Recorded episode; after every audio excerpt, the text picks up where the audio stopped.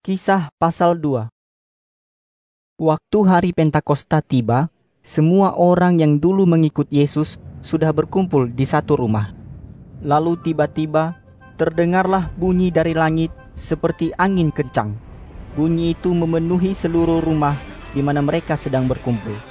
Kemudian mereka melihat sesuatu yang kelihatannya seperti nyala api, yang menyebar dan berhenti di atas mereka masing-masing Lalu mereka semua dipenuhi oleh Roh Kudus dan mulai berbicara dalam bahasa-bahasa lain sesuai dengan kemampuan yang diberikan oleh Roh itu kepada mereka. Kebetulan pada waktu itu di Yerusalem ada orang-orang yang beragama Yahudi yang berasal dari hampir seluruh dunia. Mereka adalah orang-orang yang sungguh-sungguh beribadah kepada Allah yang datang untuk mengikuti perayaan Pentakosta. Waktu mereka mendengar bunyi yang keras itu, banyak dari mereka datang berkumpul ke rumah itu. Mereka sangat bingung karena mendengar para pengikut Yesus tersebut sedang berbicara dalam berbagai bahasa, sehingga setiap orang bisa mendengar berita dalam bahasa mereka masing-masing. Lalu mereka semua terheran-heran dan berkata, Bagaimana mungkin ini bisa terjadi? Orang-orang yang berbicara ini semuanya orang Galilea tetapi setiap kita mendengar mereka berbicara dalam bahasa kita masing-masing. Sungguh heran karena kita berasal dari banyak daerah, termasuk Partia, Media, Elam, dan penduduk Mesopotamia, Yudea, Kapadokia, Pontus, dan provinsi Asia. Juga termasuk daerah Frigia, Pamfilia, Mesir, dan bagian-bagian Libya yang dekat kota Kirene juga ada yang datang dari ibu kota Roma, dari pulau Kreta, dan orang-orang Arab. Kita yang berkumpul adalah orang Yahudi dan juga orang dari bangsa lain yang sudah menjadi pengikut agama Yahudi.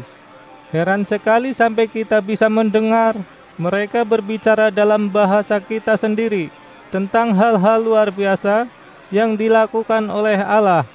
Oleh karena mereka heran dan bingung, maka mereka bertanya satu sama lain, Bagaimana hal ini bisa terjadi? Tetapi ada juga beberapa orang lain yang menertawakan pengikut-pengikut Yesus itu karena mereka pikir, Orang-orang itu hanya mabuk saja. Kemudian Petrus berdiri bersama kesebelas rasul, dan dengan suara nyaring dia berkata kepada orang banyak itu, Saudara-saudari orang Yahudi dan semua orang yang tinggal di Yerusalem, izinkanlah saya menceritakan arti dari semua yang terjadi ini. Dengarkanlah baik-baik.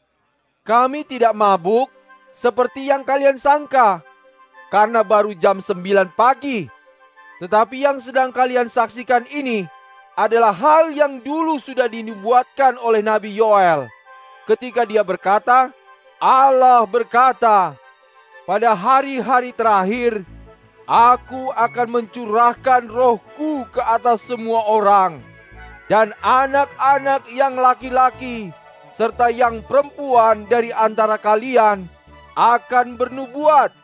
Para pemuda di antara kalian akan mendapat penglihatan dan banyak laki-laki yang tua di antara kalian akan mendapat mimpi-mimpi khusus.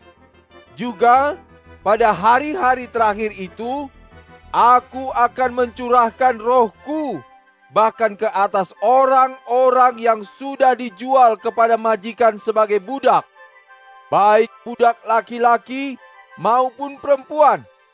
Mereka pun juga termasuk umat pilihanku.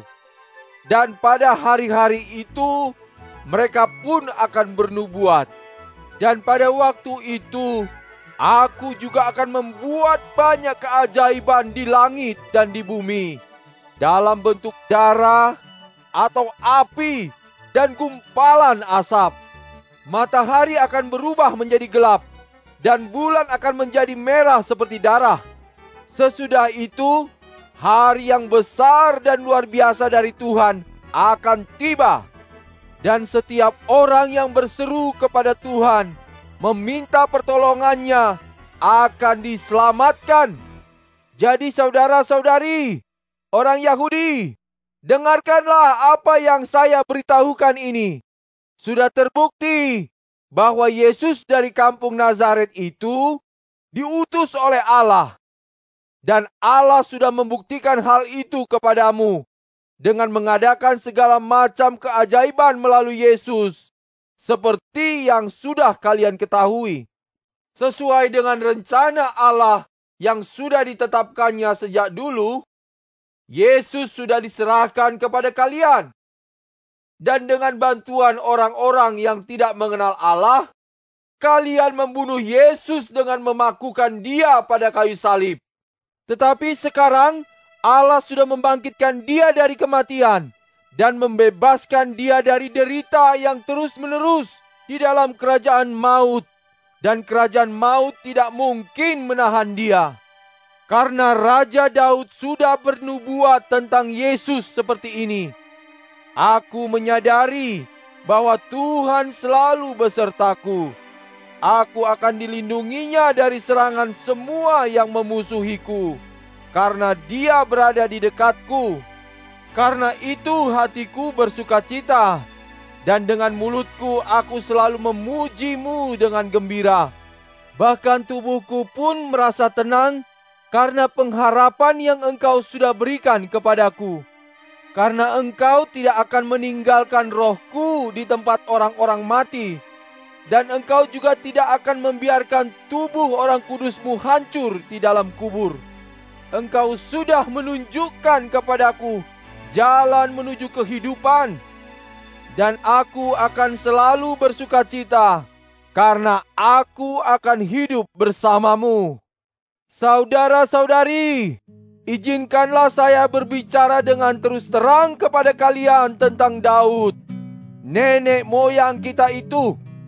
Apa yang dia katakan itu pasti tidak mengenai dirinya sendiri, karena dia sudah mati dan dikuburkan, dan kuburannya masih ada pada kita sampai hari ini.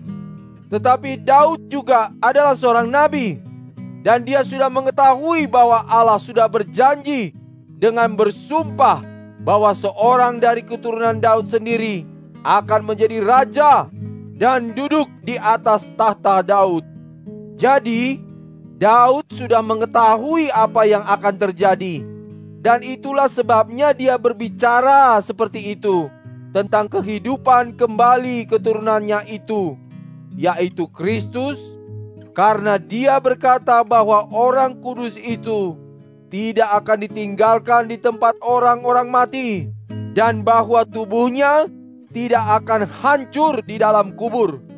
Jadi, Yesus inilah yang sudah Allah hidupkan kembali dari kematian. Dan semua kami yang ada dalam kelompok ini sudah melihat Dia sesudah Dia hidup kembali. Dan sekarang kami diutus untuk menjadi saksi tentang peristiwa itu. Maka sekarang dia sudah terangkat ke surga dan duduk di tempat yang paling terhormat, yaitu di sebelah kanan Allah. Dan Yesus juga sudah menerima Roh Kudus yang sudah dijanjikan Bapaknya. Jadi sekarang Yesus sudah mencurahkan roh itu. Dan itulah yang sekarang kamu lihat dan dengar. Karena bukan Daud yang terangkat ke surga, tetapi dia sendiri mengatakan, Allah berkata kepada Tuhanku, Duduklah di sebelah kananku dan memerintahlah sebagai raja sampai aku mengalahkan semua yang memusuhimu dan membuat mereka menjadi budakmu.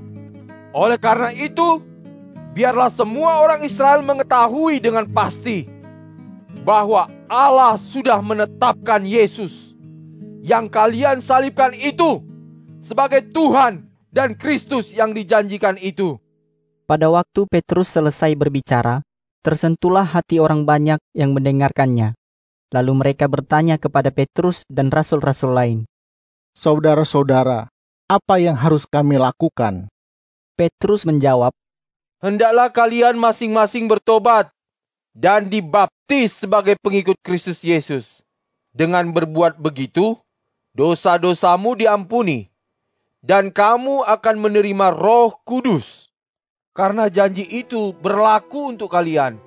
anak-anak kalian, bahkan bagi mereka yang berada di tempat yang jauh, yaitu semua orang yang dipanggil oleh Tuhan Allah kita. Dan banyak hal lain lagi yang Petrus katakan dan saksikan untuk menguatkan hati mereka. Pada akhirnya dia berkata, Berusahalah melepaskan dirimu dari hukuman Allah terhadap kejahatan orang-orang zaman sekarang ini.